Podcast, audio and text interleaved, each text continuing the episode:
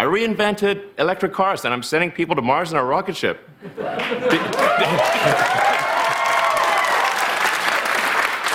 did, you think I was also going to be a chill, normal dude?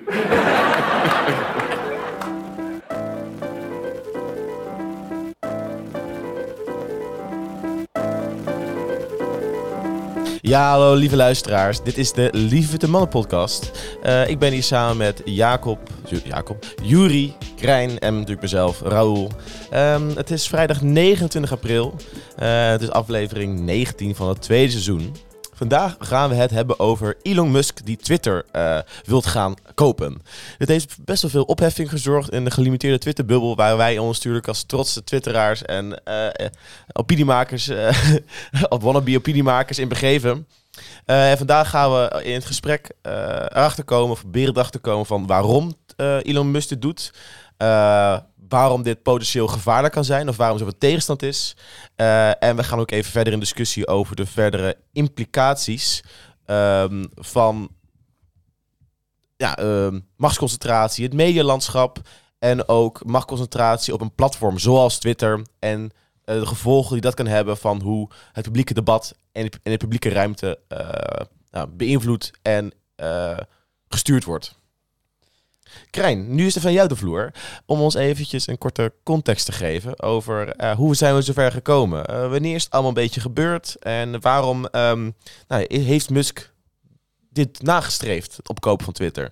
Ja, hoe is het zover gekomen? Ik denk dat het zover gekomen is omdat er in Amerika het beeld heerst dat free speech onder druk staat. En Elon Musk is een van de vervente uh, voorvechters van free speech. En die Twitter is zijn favoriete platform. Misschien ook een stukje angst om zelf gecanceld te worden op het platform en zijn, uh, zijn grootste hobby kwijt te raken.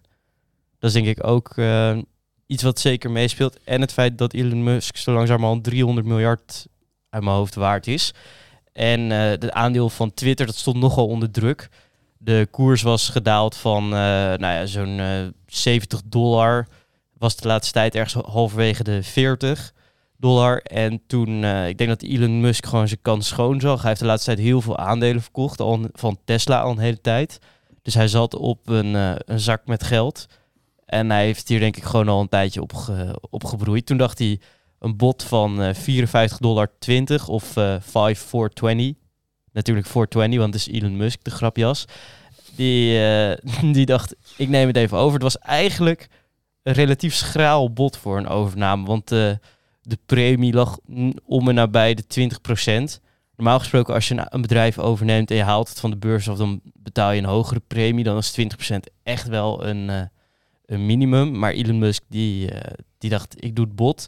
Twitter had er in eerste instantie niet zo zin in om overgenomen te worden door Elon Musk. Uh, het management van, van Twitter die, uh, die dachten, denk ik, eerst met hem een, een, plaats in de boord te geven dat het daarmee ook af was. Want dan mocht hij maar hoeveel procent? 15 Dan mocht hij, mocht hij niet meer dan 15 procent van de aandelen van Twitter in handen hebben. Ja, het argument natuurlijk van Musk zelf is dat de huidige leden van de board een relatief laag uh, percentage aan aandelen hebben dus niet representatief zouden zijn of zo van de aandeelhouders, weet ik veel. Of uh, dat er dus een reden zou zijn voor hem om erin te komen en gewoon een controlling stake te nemen. Nou, het is gewoon als je 15% hebt, dan, uh, dan moet je dat ook melden bij de toezichthouder. En dan heb je extra rechten. Dan, dan, ja, dan sta je wat dichter bij het bestuur van een bedrijf dan als je één aandeel hebt, bij wijze van.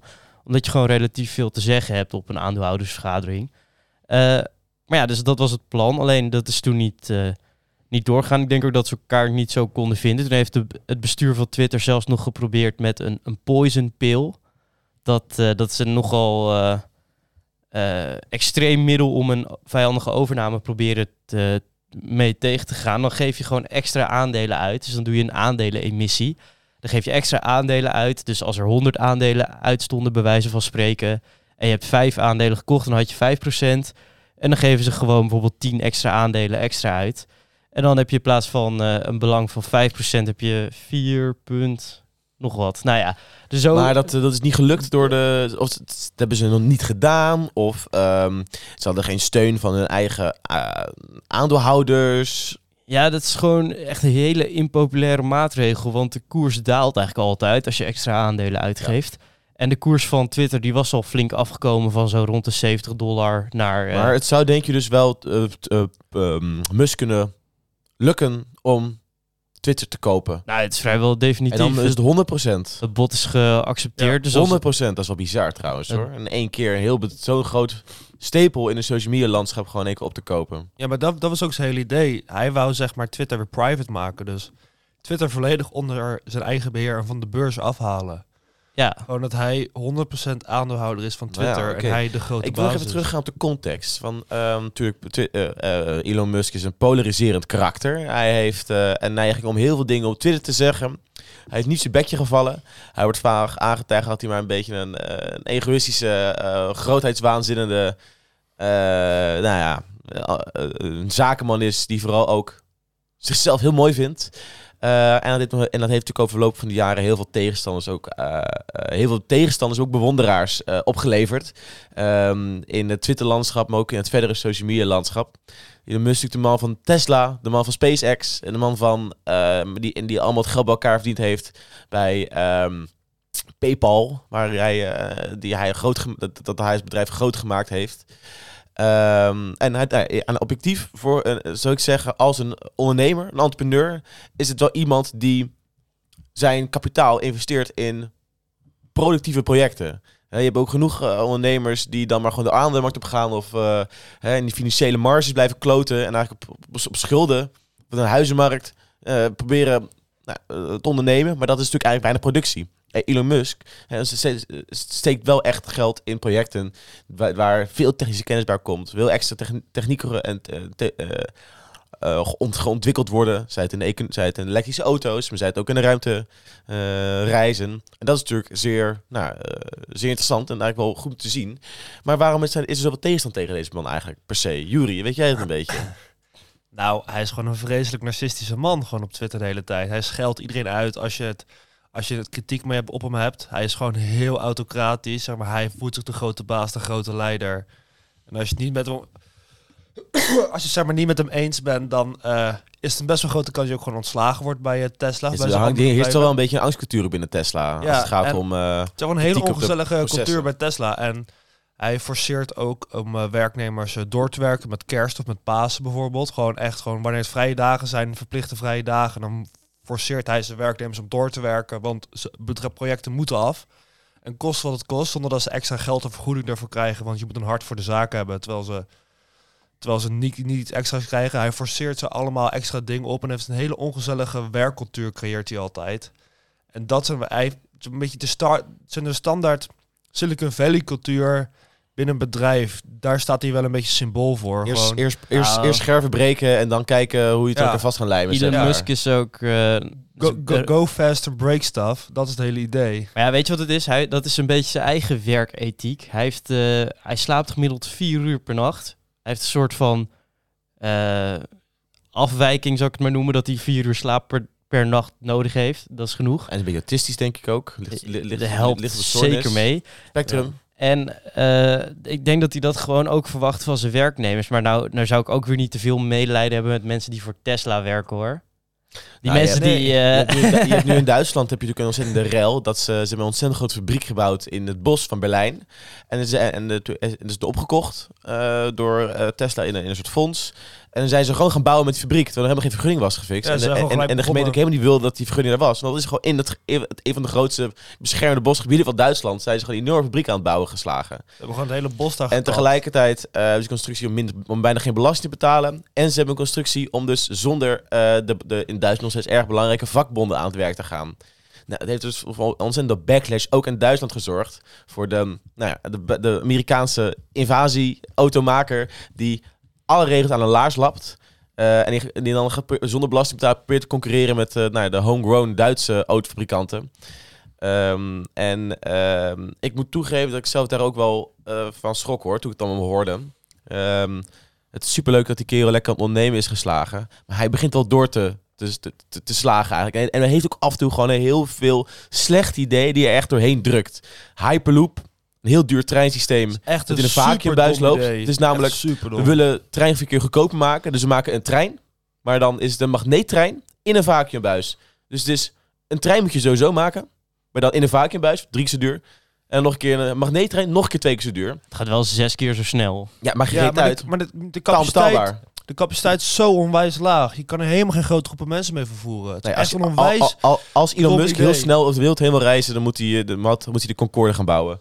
Dat, dat, dat is pas snel. Maar dit is meer een soort van persoonlijke frustratie tegen Elon Musk's vergezicht. Nee, maar dat geeft eh, aan dat hij heeft heel veel goede ideeën gehad. Maar hij begint een beetje af te takelen, heb ik mijn idee ook. En in zijn frustratie dan iets nu rare dingen aan doen. Dus echt een goede entrepreneur, die goede ideeën heeft neergezet. Maar nu heeft hij ook slechtere ideeën. Nou, Hyperloop, maar ook de Boring, de, Boring Company. Boring com- Auto, is tunnels onder het centrum. En dan als soort privaat alternatief voor metro's, maar dan met auto's erin. Dus ja, Waar ook alleen maar Tesla's in mogen rijden. ja, eh, terwijl de onder, onder de steden is het gewoon al helemaal vol met leidingen. Dus dan moet je echt moet je 100 meter onder de bodem gaan zitten. Nou, dat kan je een paar steden maar doen, bla bla. Allemaal problemen zitten eraan. Maar daar luistert hij dan niet naar. En dat is gewoon zeer frustrerend. En dat verder op Twitter misdraagt hij zich ontzettend. He, dan, me- meldt hij, dan, mengt hij zich in discussies waar hij niks te, te melden heeft. En als hij dan afgetroed wordt, dan, gaat hij, nou, dan zit hij gewoon mensen uit te schelden. Het voorbeeld natuurlijk is van dat er toen in Thailand een aantal kinderen vastzaten in een grot. En dat hij van plan was een tunnelboormachine te maken die dan door de tunnel heen kon, klauwen, kon klimmen. En dan dus hij, eh, nou, is, hij had een, eh, ervaren eh, bergbeklimmer, bijvoorbeeld een grotklimmer uit, uit Zweden volgens mij, had hem had hem een idioot genoemd. Ja, toen heeft... eh, Nee, dat was een Britse duiker. Ja, een Britse duiker had hem een idioot genoemd en had hij die Britse duiker voor pedo uitgemaakt. Ja, nou, dat soort dingen. Dat is gewoon niet, dat is, dat is gewoon niet sierlijk. En Maar het is ook niet sterker een discussie om, zeg maar, als je, als je, als je een beetje om argument gaat discussiëren van dit is gewoon een idioot plan, dan ga je gelijk op de man, ja, je bent gewoon een pedo. En dan, ja, en De hele discussie ik denk is dat dat het probleem is. Zeg maar die sterk. instabiliteit die die man heeft. Het feit dat hij blijkbaar een paar stoornissen leidt. In ieder geval op het spectrum zit. Hij kan niet slapen moeilijk. Hij heeft toch een andere manier hoe hij met mensen omgaat. Slechte track record met het gaat om sociale, met vergunningen, met overheid omgaan. Met andere mensen denken dan alleen, dan alleen maar zichzelf eigenlijk. Eh, eh, inderdaad, eh, egoïstisch, narcistisch. ook heel agressief in die, internetdiscussies gaan. heel erg op instinct werken. En denken van, dat de rest volgt la- later wel. Nou ja, prima. Dat allemaal bij elkaar. Deze man wil een van de grootste ehm, platformen voor, ja, voor meningsuiting opkopen. Totaal om in zijn eigen persoonlijke bezitten te plaatsen. En ook wat gaan veranderen aan het beleid op dat platform. Ja, hij wil op, oprecht het beleid van Twitter gaan veranderen. Twitter heeft nu een aantal mensen eh, geweerd van het platform. En vanwege gewoon opmerkingen en dingen die gewoon echt niet kunnen. Bijvoorbeeld, eh, Donald Trump is verwijderd van Twitter omdat hij gewoon echt een oproeien was naar een revolutie in het, in het Capitol. En er het, op, het opruien was voor eh, geweld tegenover eh, werknemers van het, kapitaal, van het Capitol. En dan is hij geband van Twitter. En nu wil Elon Musk dat soort figuren weer terug op Twitter laten. Ja, je weet niet of die iedereen terug op Twitter laat. En het zal wel ook niet zonder eisen worden als die mensen weer toelaat. Maar het is wel, hij zegt iedereen moet hier kunnen, want free speech, freedom of speech, iedereen moet kunnen zeggen wat hij wil zeggen. En je mag niet iemand beoordelen, want we hebben het recht om alles, alles te zeggen wat we willen. Ja, dat is de vraag hoe dat er natuurlijk in de praktijk uit gaat zien. Maar hij heeft ook wel ideeën om elke menselijke gebruiker te verifiëren en bo- bots harder aan te pakken. Om Ja. zo ook bijvoorbeeld nepnieuws, eh verspreiding daarvan aan te vechten. Maar heel veel nepnieuws wordt ook gewoon verspreid door... Door Eh, echte mensen. echte ja, mensen. dat klopt. dat is ook het, waar. het zijn niet alleen maar bots, het zijn vooral hele grote echte mensen die gewoon zo diep in een hol zitten dat ze gewoon niet meer snappen wat nou echt en wat een nepnieuws is. En dat ze dan maar gaan delen alles wat los en vast zit. Een Tucker Carlson, alles wat hij zegt in zijn show, klopt ook niet altijd. Nee, niet alles altijd. Nee, zeker Dus- niet. Maar ja, dan... eh, is met- je, kan wel leuk bots gaan, eh, gaan blokkeren, maar dit soort mensen blijven er staan. Je gaat het nepnieuws niet oplossen, oplossen door een beetje bots te gaan blokkeren. En hij, heeft zulk, hij is zo groot als de, de, de voorvechter van, van vrijheid van meningsuiting. Zo presenteert zich naar de rest van de wereld. Ik ga nu het, de cancelcultuur, ik ga dat tegenvechten. Ik ga zorgen dat iedereen weer kan zeggen wat je wil zeggen. Terwijl we moeten ook, zeg maar, er is ook gewoon wetgeving van, je moet niet eh, mensen echt beledigen, je moet mensen kwetsen. En dat, dat ziet niet helemaal te begrijpen, zeg maar, vrijheid van meningsuiting is niet alles. Het is niet het ultieme heilige doel. Er zijn andere dingen die ook vrij heilig en belangrijk zijn. Maar wat wil je doen? Wat wil je zeggen, Krijn? Ja, ik zit even te denken of het nou... Ik denk niet dat het zo desastreus is. Ik denk dat we allemaal dat mensen de neiging hebben om het allemaal af te schilderen alsof het een soort van de nieuwe ramp in de mensheid is. En Oh nee, nee, nee, het is zeker geen nieuwe ramp. Elon maar het Musk is meer heeft- achteruitgang van onze, van onze samenleving. ja, maar op persoonlijk vlak heeft hij er wel een handje van gehad om eh, veel mensen te cancelen, ook gewoon op Twitter of gewoon te blokken als ze het met hem Ja. oneens zijn of hem, eh, of hem, of hem tegenspreken ergens op. Maar dan tweet hij op 25 april ook gewoon weer: I hope that even my worst critics remain on Twitter because that is what free speech means. Ik bedoel, hij, hij is zich, ik denk dat hij zich wel bewust is van het feit dat free speech op zo'n platform anders is dan binnen je eigen bedrijf of op je eigen profiel. Ja, en natuurlijk, het is ook, dat, dat is, ook een beetje... eh, eh, het is het is een platform. En wat Twitter nu toe gedaan heeft, is ook gewoon zoveel mogelijk mensen op het platform houden. En geëngageerd houden. En dat is misschien een ander doel dan inderdaad eh, iedereen maar wat laten zeggen. Want mensen vertrekken ook wel een beetje uit Switch. Je moet toch wel een beetje curaten. Je moet wel een beetje gez- gezellige bende houden. Ja, je wil ook geen hij wil ook geen kinderporno op Twitter, Nee, denk ik. precies. Nee, ja. ehm, maar ja, Dat weten we niet. Nou, hij scheldt die man uit voor pedo. Het, klinkt niet alsof die pedo een eh, goede een geuzennaam vindt. pe- pedo- pedofilie, dus als scheldwoord is sowieso een heel moeilijk. eh, Het is echt een rabbit hole, zeg maar, van mensen die elkaar uitmaken voor pedo. Vaak ook zelf pedofilie, pedo, Ja. pedo, half pedofiel zijn. Dus je hebt daar kan je helemaal niks mee. Dat gaan we niet beginnen. Ja, laten we daar weggaan. Ga weg van het onderwerp. maar eh, ja, ik, ik ben niet zo bang ervoor, eerlijk gezegd. En ik vind het een goed teken dat hij... Het is van de beurs af, dus het is niet meer de eeuwige quest voor het creëren van shareholder value. Daar is. Twitter eindelijk vanaf. Daar ben ik ook wel mee eens. Ik ben goed dat Ja. vanaf is. Maar ik blijf het toch alsnog wel een beetje jammer vinden. Is dat dan de oplossing was dat een lastige... Nou, dus we zeggen... Kijk, eh, het dit is nu onder nieuw management. Onder één management. Iemand die dus niet, de, niet alleen bij de aandelenmarkt is. Wat wel fijn is. Net een beetje...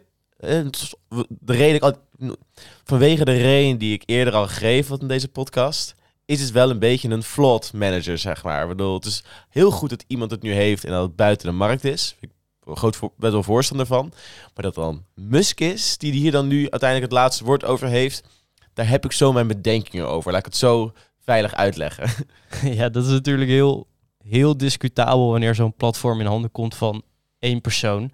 Zijn wel meer miljardairs die, eh, die mediabedrijven in de handen hebben, zoals Jeff Bezos. Die heeft eh, de Washington, nee, de, de Wall Street, De Washington Post. niet de Wall Street Journal, nee, Wall Street Journal niet, de Washington Post. Washington Post heeft hij. Maar eh, die heeft hij al een tijdje in handen. Ik weet niet, is dat, is dat die krant echt, zeg maar, Ik had er laatst inderdaad ook over gehoord. Want dit is natuurlijk wel een ding. Dus ik het volgende stukje nog even in de podcast. waar we naartoe willen gaan. Is ehm, wat het gevaar van machtsconcentratie in het medialandschap is. Want inderdaad, veel van dit, eh, eh, ja, de supporters van Musk. die stelden van. Jeff Bezos heeft anders ook gewoon de Washington Post gekocht. En er was destijds ook geen, geen weinig oproer over. Nou, ik kan nog wel herinneren dat er wel wat, eh, wat mensen bezorgd waren over dat Bezos het kocht. Maar in de praktijk een best wel afzijdige nou ja, kranteigenaar gebleken. Het is zeker niet dat hij een soort praktiserende rol als hoofdredacteur eh, in aan het nemen is. Ehm, maar je ziet, we zien natuurlijk wel ontzettend veel machtsconcentratie in het medialandschap. Het Murdoch Empire van Fox, dat uit Australië komt. Dat ook, waar, waarmee hij ook echt, eh met de Sun in Engeland en het Fox News in Amerika, ehm, ook echt hele politieke programma's, zij dat van bijvoorbeeld van Donald Trump, kan ondersteunen. Met een door een, geheel door een heel gekleurd medialandschap op te zetten. Ehm, CNN, dat is ook wel heel gekleurd op een bepaalde manier. Eh, ook gewoon leugens in komen. Ehm, eh, in, in, Nederland hebben we natuurlijk het probleem dat, nou een probleem, dus voor mij mogen die krant nog wel goed een eigen profiel behouden. Maar er is ook wel een ontzettende machtige, eh, het, Belgische mediahuis of Belgische FPMG of zo, mediahuis toch? DP, Ja. DPG, de persgroep. De persgroep, ja, dat En ook nog bijna dat, alle eh, Nederlandse kranten bezit. Ja, Eh, het ah, mediahuis. Alle Nederlandse kranten zijn verdeeld over twee Belgische mediabedrijven. Je hebt het, de DPG, voor mij zit daar Volkskrant, het Parool en AD. Trouw bij en het AD. En het NRC zit dan bij het mediahuis. En de Telegraaf zit dan weer bij de Die is- Talpa-groep. Ja, maar Telegraaf is voor mij nog een eigen... Telegraaf nog zijn eigen dingen, ja. er was een overnamestrijd tussen John de Mol en, eh, en van de Stalpa en dat Belgische bedrijf Mediahuis Ja. over de Telegraaf. Maar ik weet niet waar dat nou uiteindelijk beland is. Maar De Telegraaf Mediagroep, de TMG, dat, is, dat is, Oh ja. was dus lang... eh, Ja, maar dat Ja, is dat is- overgenomen. Dat was heel toch? lang een ding geweest. Maar Die hebben ooit gewoon- nog huis gekocht voor 40 miljoen. ah, verstandig. Op het, op het slechtste moment. Dat was echt briljant. Telegraaf is nu van Mediahuis. Ja, dus ook. Ook van Mediahuis, ja, zijn ook oké. Maar het is gewoon heel erg, heel erg zichtbaar de huidige trend in ons medialandschap. Het is gewoon concentratie van media-uitgevers, mediabedrijven zoals kranten en eh, een andere een nieuwszenders die eigenlijk allemaal onder één, één grote baas vallen. Zeg maar, John de, John de Mol heeft ook een hele grote marktmacht hier in Nederland. Maar John de Mol maakt over het algemeen wat onschuldigere programma's. Ja, vandaag in Site, dat, eh, dat, Dat, is, is, wat... geen onschuldig programma. Nou, dat, maar de rest van is gewoon, zijn gewoon heel veel familieshows dat je denkt Ja, van het, is, ja. het, is, het is wat minder politiek geëngageerd. Alsnog geeft natuurlijk wel een bepaalde visie af, die programma's. Namelijk van familie is heel belangrijk. En toch een soort van rechtspopulistische manier van het leven kijken. Zeker. Met- Als je LMSBS kijkt, dan word je er ook wel een, een simpele liberaal, zeggen we haar, laat ik het zo zeggen. Ja, maar dat gaan we wel heel ver. Dat is een beetje zeggen als mensen die op gezinsvakantie gaan, die dat straalt. eh ja, maar dat, een bepaald dat is meer normatieve- zachte culturele invloed die dan John de Mol heeft met, met Talpa en SBS op de, wereld, op de mediawereld heeft. Maar inderdaad minder uitgesproken dan als je inderdaad hè, eh, een, een John Murdoch van Fox bent, zeg maar. Of een potentieel... eh, eh, en dat is een beetje de vraag. Ehm, is als, als dit dus, dus overgenomen wordt door... die machtconcentratie is best wel kwalijk. Want eh, zitten- de freedom of speech, hè, de vrijheid, de mm, concurrentie tussen de beste ideeën, daar gaan we ervan uit dat die er is. Mhm. Nou ja, en als, maar als er zoveel marktmacht is in de handen van een aantal grote ja, mediaondernemers, is het dan nog wel echt dat vrije discussie van ideeën? Want wat het ding natuurlijk is met die, met die grote mediabedrijven is, het gaat niet alleen maar om je ideeën, maar het gaat er ook om de manieren om jouw ideeën tot de man te brengen. Heb Ja. Welke kanalen heb jij tot jouw beschikking en hoeveel van die kanalen kan jij inzetten om jouw nou ja, idee te pushen? Eh, En vaak ook slechte ideeën. Kijk we naar Fox, die kunnen gewoon overwinnen door via honderden kanalen tegelijkertijd alomvattend gepusht te worden. Wat is de waarheid? De waarheid is natuurlijk een beetje nou, dat je jezelf eh, afweegt wat nou waar is. Eh, maar het is ook gewoon gebaseerd op wie vertrouw ik? Wie, eh, wie, wie, zal het wel goed uitgezocht hebben? Als ik naar het nieuws kijk, NOS, dan ga ik ervan uit dat dat, dat wel juist zou zijn. Niet omdat ik nou zelf weet dat is beter of juister. Nou, ik ga, tenzij ik een andere bron heb voor mezelf, ga ik ervan uit dat juist is vanwege de autoriteit van de journalistiek. En dat is ook hoe de mens werkt. We kunnen wel een beetje afwegen, maar nou, we zijn ook niet in staat om alle, over alle onderwerpen zelf eh, eigen ja, empirisch onderzoek te gaan doen, zeg maar. Of zelf de papers in te duiken. Daar hebben we de tijd niet voor. Nee, zijn maar 24 uur in een dag. Ja. Je moet ook slapen. Maar weet je wat ik zat te denken waar, toen je dat net zei? Concentratie is natuurlijk slecht. Dat als, ze, als media te veel geconcentreerd raken, dat heeft nadelen. Dat heb je net goed uiteengezet. Maar als ik er zo nog een keer over nadenk, dan ben ik heel blij dat niet Meta van Mark Zuckerberg Twitter heeft overgenomen. Sowieso. De Twitter, weet je wat, die koers van Twitter die zakte helemaal in elkaar. De beurswaarde was nu iets van eh 335 miljard. Dat klinkt heel veel. Maar ik denk dat we allemaal nog weten dat, eh, dat Mark Zuckerberg voor 1 miljard Instagram overnam. Met Facebook. Nou, de, Uh-huh. de, de, de influencer, Gary Vee die zegt altijd... eh, Facebook stole Instagram voor 1 billion dollar. Dat is, eh, dat is ook hoe Instagram zich ontwikkeld heeft. Of de overname van YouTube door Google. Dan ben ik eigenlijk wel blij dat er een speler is die niet, zeg maar, niet Google is of niet Facebook. Ja. Die zo'n mediabedrijf Inderdaad, heeft kijk, wat zijn de verdere doelen? Want een Facebook-mediabedrijf heeft vooral als doel uh, uh, uh, advertentieinkomsten te maximaliseren. Wat is het doel van, Twi- van, van Musk? Van Musk is eigenlijk om de, nou ja, wat hij ervaart, de censuur, het censuur van, van Twitter eigenlijk te verminderen. Dat er Mhm. meer, dat meer, dat, dat veel van die, nou, die, nu, die nu nog nou ja, geband worden vanwege een aantal regels op Twitter, dat die eigenlijk weer terug mogen komen. Ja, En ik denk ook gewoon winst maken met Twitter. Dat was ook wel een doel van hem. nou, Twitter is echt wel het meest sneuwe social media bedrijf als het om winst maken ja, dat is wel een beetje waar. Ja, die sneu. Dan, Ja, moet je, dan ja. moet je niet Twitter kopen. Nee, zeker. Maar er is wel een groot potentieel zit er. Nou ja, dat is dus de vraag. Dat hier hadden we het eerder ook al over voor de, voor de uitzending of voor de opname.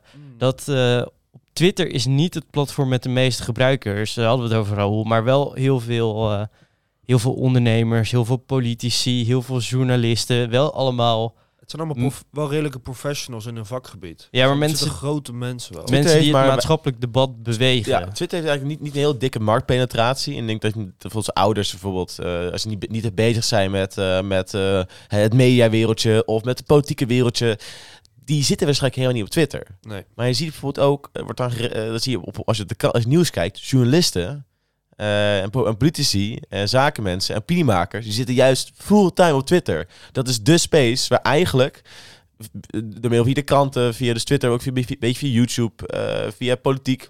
Het po- eh, da- da- da- dat is de plek waar het publieke debat zich eigenlijk, pla- eigenlijk plaatsvindt, grotendeels.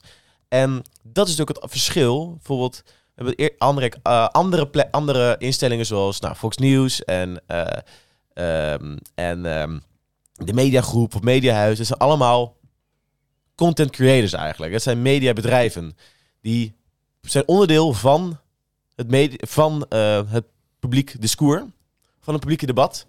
Door middel van de informatie en de krant die ze uitgeven, die beïnvloeden het. Maar Twitter is eigenlijk zo belangrijk in dat medialandschap. Het is grotendeels de plek waar het publieke plaats plaatsvindt. Het is het forum zelf. En Mhm. natuurlijk, er is angst voor... Nou, als je heel veel kranten bezit, dan kan je ook een beetje mening pushen, zeg maar. Maar jouw, uiteindelijk jouw mening concurreert met dat van anderen. En het is op een grotere plek waar het uitgevochten wordt. Maar waar wordt de partij veel uitgevochten? Op Twitter. Ja. Het is de plek waar al die informatie samenkomt. En daarom is het toch wel een andere overweging. En is het minder goed te vergelijken met bijvoorbeeld Bezos die de Washington Post koopt. Want de rules of the game, die worden van het publiek debat, worden eigenlijk wel een beetje gevormd op Twitter. De rules of the game vind ik niet. Nou ja, niet- zeg maar, de, het, zeg maar de, de, de, vorm die het mening, de debat maar aan mag nemen, de, de, de, de geaccepteerde kaders van het publieke debat, zijn eigenlijk op Twitter. Toen Trump eruit gekikt werd, hoor je niks meer over die vent. Ook in, in, in de rest van, van het publiek debat. Ook niet meer in Nederland eigenlijk. Ja, ze, ja, maar het kwam ook omdat hij president af was. Dat hielp ook niet. Ja, maar dat is nog. Het is, het is, het, het, het is maar- wel opvallend van hoeveel invloed het heeft. Dat jouw aanwezigheid op Twitter heeft op jouw rol die je op nu, dit moment in de huidige mediacultuur, met de huidige belang van Twitter en de populariteit ervan, hoe groot die rol van, nou, de, de, gewoon de, mod, de, de, de, de, hoe noem je dat? De mods, de moderators Moderators, op ja. Twitter, van Twitter, is op het publiek debat en wie er Ja. over hebben. En ook heeft een soort van zelfbekritiserende factor. Hè? Bedoel, mensen weten ook wel een beetje waar de grens ligt. En gaan niet te veel over die grens heen. Mensen niet de meest racistische shit uit, uitslaan. Want ze weten, anders krijgen ze misschien Twitter Ook- aan de broek. Ook dat ze gewoon niet zo racistisch meer zijn. zo langzamerhand. Maar dat is misschien een heel eh, naïeve gedachte. Maar inderdaad, dat is de vraag. eh, De, die moderators, dat is wel een. eh, dat is wel een puntje. Want ik denk dat je wel met zekerheid kan zeggen dat Donald Trump meer aanwezig zou zijn in het publieke debat op dit moment als hij niet gewoon geband was. ja, tuurlijk. Maar dan, heeft hij gewoon weer zijn spreekbuis terug. Ja, maar dat was wel echt heel ingrijpend dat je de zittend president op dat moment nog Ja. band van Twitter. Maar dat was denk ik geheel terecht. Want het 6 januari ging wel een. eh, Het ging, ging, ging echt te ver. ging echt te ver. Het kon gewoon niet wat hij deed daar. Maar het is natuurlijk wel de, de vraag. Want je had het een beetje over de, dat de, de mores eigenlijk gevormd worden op Twitter. De regels van het publieke debat. Gro- eh, to- toch, een, toch een significant deel beïnvloed worden door de grenzen die op dat, op dat platform worden aangegeven. Maar ik weet niet of dat zo is. Maar er, dit is wel de plek waar het meeste de ideeënstrijd plaatsvindt. Ja. Een soort van de, de markt van ideeën die met elkaar concurreren. En dat is natuurlijk een andere vraag inderdaad. Van in wat voor mate is er die ideeënmarkt? Als je alles toelaat op Twitter, en duidelijk een Elon Musk's visie van hoe informatie werkt, is een kwestie van de beste ideeën komen bovendrijven. Alle ideeën kunnen aan elkaar eh, ge- ge- ja, vergeleken worden. Dus je kunt die afwegen en dan komt het allerbeste idee, komt uiteindelijk uit die ideeënstrijd omhoog gedreven. Ik vraag me echt af in wat voor mate dat echt het geval is. Zoals ik eerder gezegd had, heel veel mensen wegen niet per se ideeën af, maar vergelijken het aan, eh, maar die nemen een bepaalde autoritaire sprekers, nemen ze voor lief, die geloven ze. Ze doen waarschijnlijk een deelonderzoek of een deel van hun eigen informatie. Hebben ze wat meer extra kennis, hebben misschien onderwijs genoten of een studie gedaan. Ehm, eh, en dat zijn de experts eigenlijk. Hè. Dat is hoe in mijn optiek de, de informatievoorziening moet zijn moeten lopen. Je hebt de experts, die weten een heel klein deelonderwerp, weten ze een beetje. Ja. En die voeren dat samen, voeren dat samen, voeren dat samen. Er wordt, er wordt omvat. En dat, dat, dat uiteindelijk is het de kennis die er is. Die bestaat allemaal kleine experts die hun informatie afgeven en in discussie met andere dis- experts gaan over het padonderwerp. Mhm. En die, en die consensus die eruit komt, die tijdelijke conclusie, dat is dan de waarheid, zeg maar. Of in ieder geval, hè, wat op dit moment het dicht bij de waarheid zijn. Nou, dat is niet dat is imperfect, et cetera. Maar dat is wel hoe het grotendeels gewerkt heeft met voormalige mediabedrijven. Hè, die naar experts toe gingen en die zo aan de informatie kwamen. Maar met Twitter is het ook wel gevaarlijk. Als je echt iedereen toe gaat laten. Er is gewoon. Kijk, de, de marketplace of ideas is gewoon heel gevoelig voor rotzooi. Als je gewoon heel, als je dingen herhaalt, blijft, herhaaldelijk blijft zeggen, dan is het gewoon mogelijk om een nieuwe waarheid te creëren. En Ja. waarheid is gewoon wat vaak herhaald is. Maar op Twitter is er ook iets als waardering en credibility. Want als je kijkt naar, als je een paar mensen als bron gebruikt om eh, aan te halen, dan kijk je altijd naar de waardering en hoe is de consensus over die persoon, wat is de macht van die persoon. En op Twitter is ook zeker niet iedereen gelijk daarin en hebben experts over het algemeen meer volgers dan mensen die eh, ja, hobby, amateuristen, amateurs, hobbyisten. Dus dat is, dat is natuurlijk niet helemaal gelijk, maar het is het idee dat Twitter een perfecte markt zou zijn voor ideeën is natuurlijk ook beperkt. Want de transactiekosten om alle informatie zelf te, te filteren, inderdaad, die zijn veel te hoog. Dus je moet inderdaad op van die experts leunen op, om tot een eigen beeld te komen. Want anders heb je er een dagtaak aan en dan red je het zelfs nog niet eens. Dat is niet te overzien. Nee, maar, maar- en, en dat is natuurlijk misschien het probleem met Twitter, is dat er is een moeilijke, re- er is eigenlijk geen reputatiesysteem op Twitter. Dus iedereen, kan zeggen wat je wil en je komt even hoog, komt het in het lijstje staan, dezelfde ehm, afdeling grootte. Het enige wat je kan distancieren is dat je een andere naam hebt die mensen misschien op kunnen zoeken. En misschien eh, in jouw bio kunnen kijken van eh, wat heb jij gedaan, wat heb jij gestudeerd, et cetera. Heb je een blauw vinkje? Ja, heb je een Bijvoorbeeld. blauw Maar heel mensen geen blauw vinkje zeggen. Maar wij hebben geen blauw vinkje en wij zeggen alleen maar waarheid op Twitter natuurlijk. Uh-huh. Ik zeg nooit iets op Twitter. Maar, maar het, het Twitter-algoritme kijkt natuurlijk ook wie liked wat, wie retweet En wat, dat wie is inderdaad het reageert geval- het waarop. probleem inderdaad. Het is, natuurlijk- het is natuurlijk niet per se... het- mensen mogen niet zelf de beste ideeën of beste creators, eh, beste opiniemakers aan elkaar afwegen. Er komt dikke laag algoritme doorheen die als doel Mhm. heeft ook gewoon nou om jou geëngageerd te houden. Maar Blijf Elon, scrollen. Elon Musk wil dat openbaar maken en een soort van open source algoritme ervan maken, zodat het dus eerlijker wordt.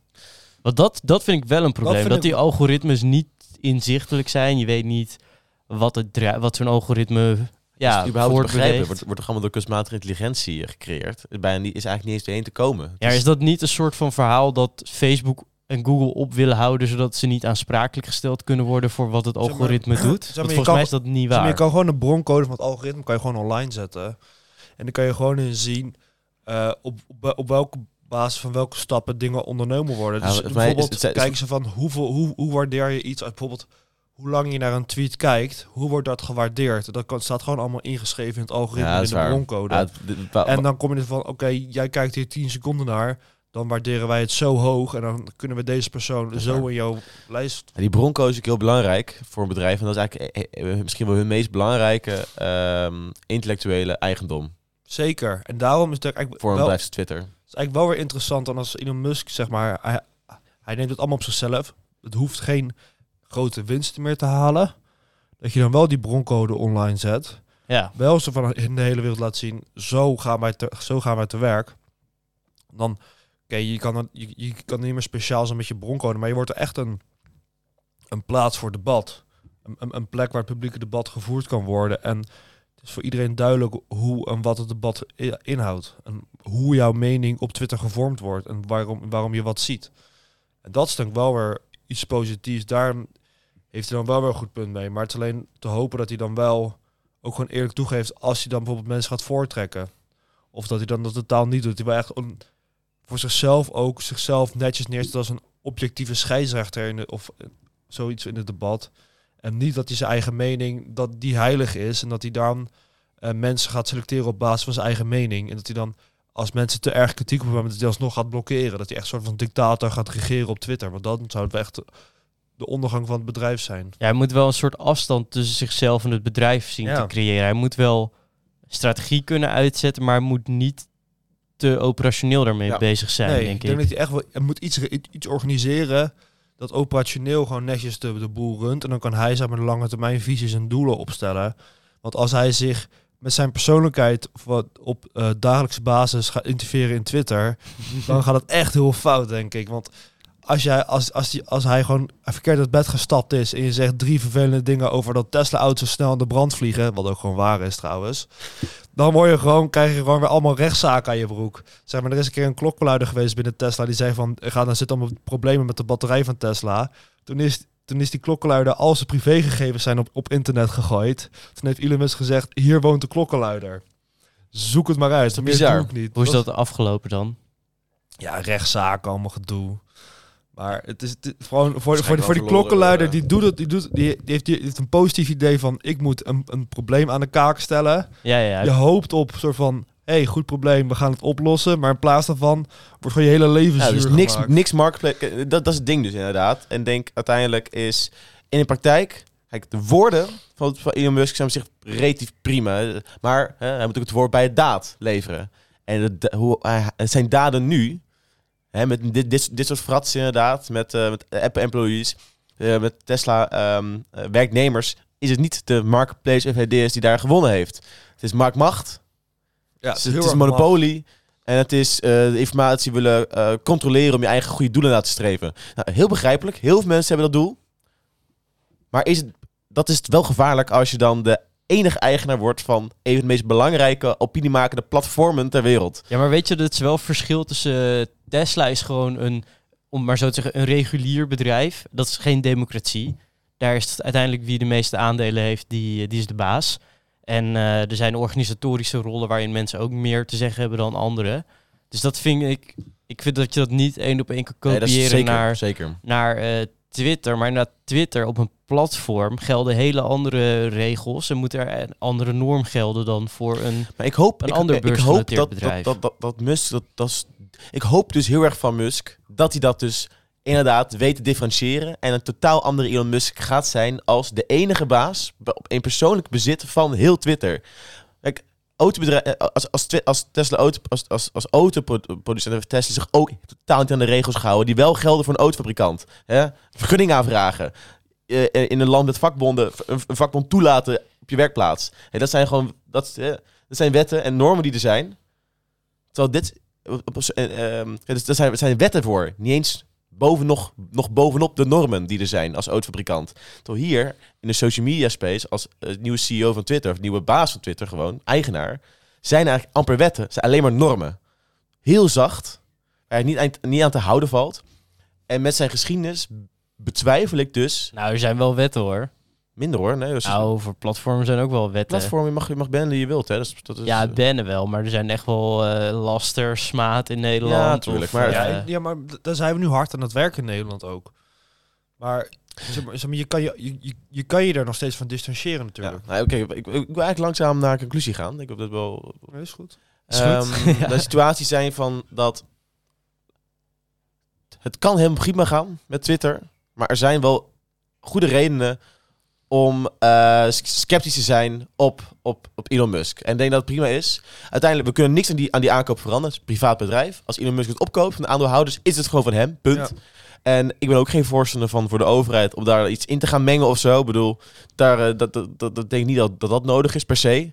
Ehm, als het platform, als, eh, als, als, Twitter helemaal, als Twitter helemaal uit elkaar valt, zal er wel een nieuw, zal er wel een nieuw alternatief komen, denk ik. Truth Social. Ja, bijvoorbeeld. Daar blijven we voor. maar het is wel zonde dat het er weer allemaal gesplijt is. Het is toch wel fijn om een beetje een paar, me- paar, paar, eh, paar eh, kopjes bij elkaar te hebben. Maar ehm, nou, ik hoop dat het gewoon goed gaat. Want die, het is toch wel heel anders. Het is- een, plat, het is een platform, geen mediabedrijf. Hij heeft toch een slechte track record.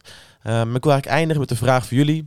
Wat voor beleid kan eh, Musk doorvoeren bij Twitter zelf? Qua, regels, qua organisatorische structuur. Om ervoor te zorgen dat hij de zorgen weg zou nemen bij vele van zijn tegenstanders of critici. Ik denk dat hij, ehm, ik denk dat hij vooral geen dagelijkse leiding moet gaan geven aan het bedrijf. Hij moet soort van echt iemand gaan aanstellen. Iemand met reputatie, denk ik wel. Maar wel gewoon iemand die gewoon netjes van dag tot dag de organisatie doet. En dan hij vooral op de lange termijn op de Is eh, achtergrond. Barack Obama niet beschikbaar? Misschien is Barack Obama wel een goed figuur daarvoor eigenlijk. Zoiets. Zeg maar, zo, je, hebt, je hebt gewoon zo groot iemand nodig die gewoon wel heel netjes de lijnen kan uit, heel netjes de gewoon, gewoon de dagelijkse business kan doen en gewoon op een nette manier met mensen om kan gaan. Maar ook iemand die zich niet gek laat maken door hem, denk ik. Nee, en ook gewoon iemand die gewoon zegt, hey Elon, even je mond houden, nu even dimmen weer. En dat gewoon Elon denkt van ja, oké, prima, je hebt wel weer gelijk. Maar vooral, kijk, Elon Musk moet denk ik wel lekker visionair zijn, lekker ver gezichten trekken, want dat doet hij toch zijn hele leven al. En dan hoop, en dan maar kijken of hij weer voor een van zijn projecten deze keer wel weer gaat, wel gaat slagen. En dan gewoon, misschien maakt hij wel iets geniaals van Twitter. Ik denk vooral wat nodig is, hij moet niet dagelijks bezig zijn met dingen van Twitter. Want dan gaat het echt wel fout. Want dan gaat hij echt zijn emoties de, de gang laten gaan. En die jongens niet zo goed in zijn emoties controleren. Het is gewoon jammer dat hij Ja. ook op Twitter zit. Dat hij een, dat hij een actief Ja, maar hij is een liefhebber. participeren, Ja. participant is, ja. Maar Het eh, is nu zijn spelletje, dus... En als jij, als, als, als jij zeg maar als... eh, het, is, het, is, het is als jij als oud, oud, oud profvoetballer de totale eh, liga opkoopt van een bepaald land.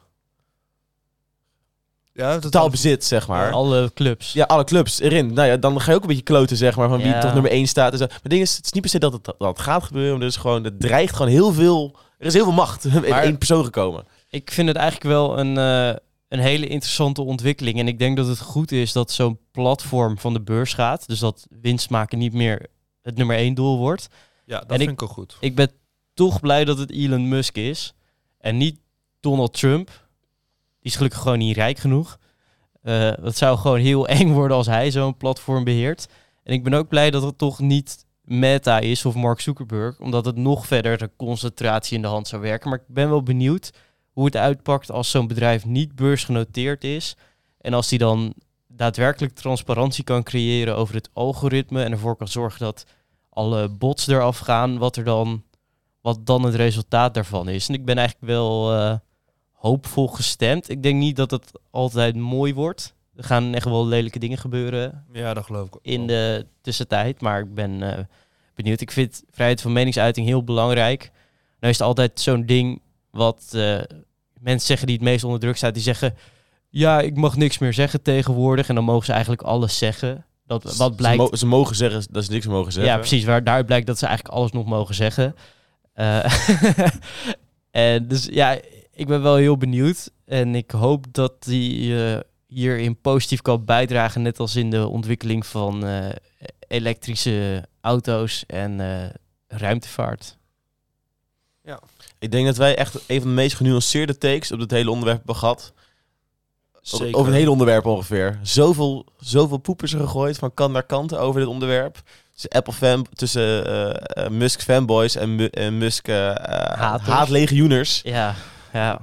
Dus ik hoop dat de luisteraar hiervan heeft genoten. En ook... eh, ja, misschien een genuanceerde mening. Ja, genuanceerde mening- is geworden.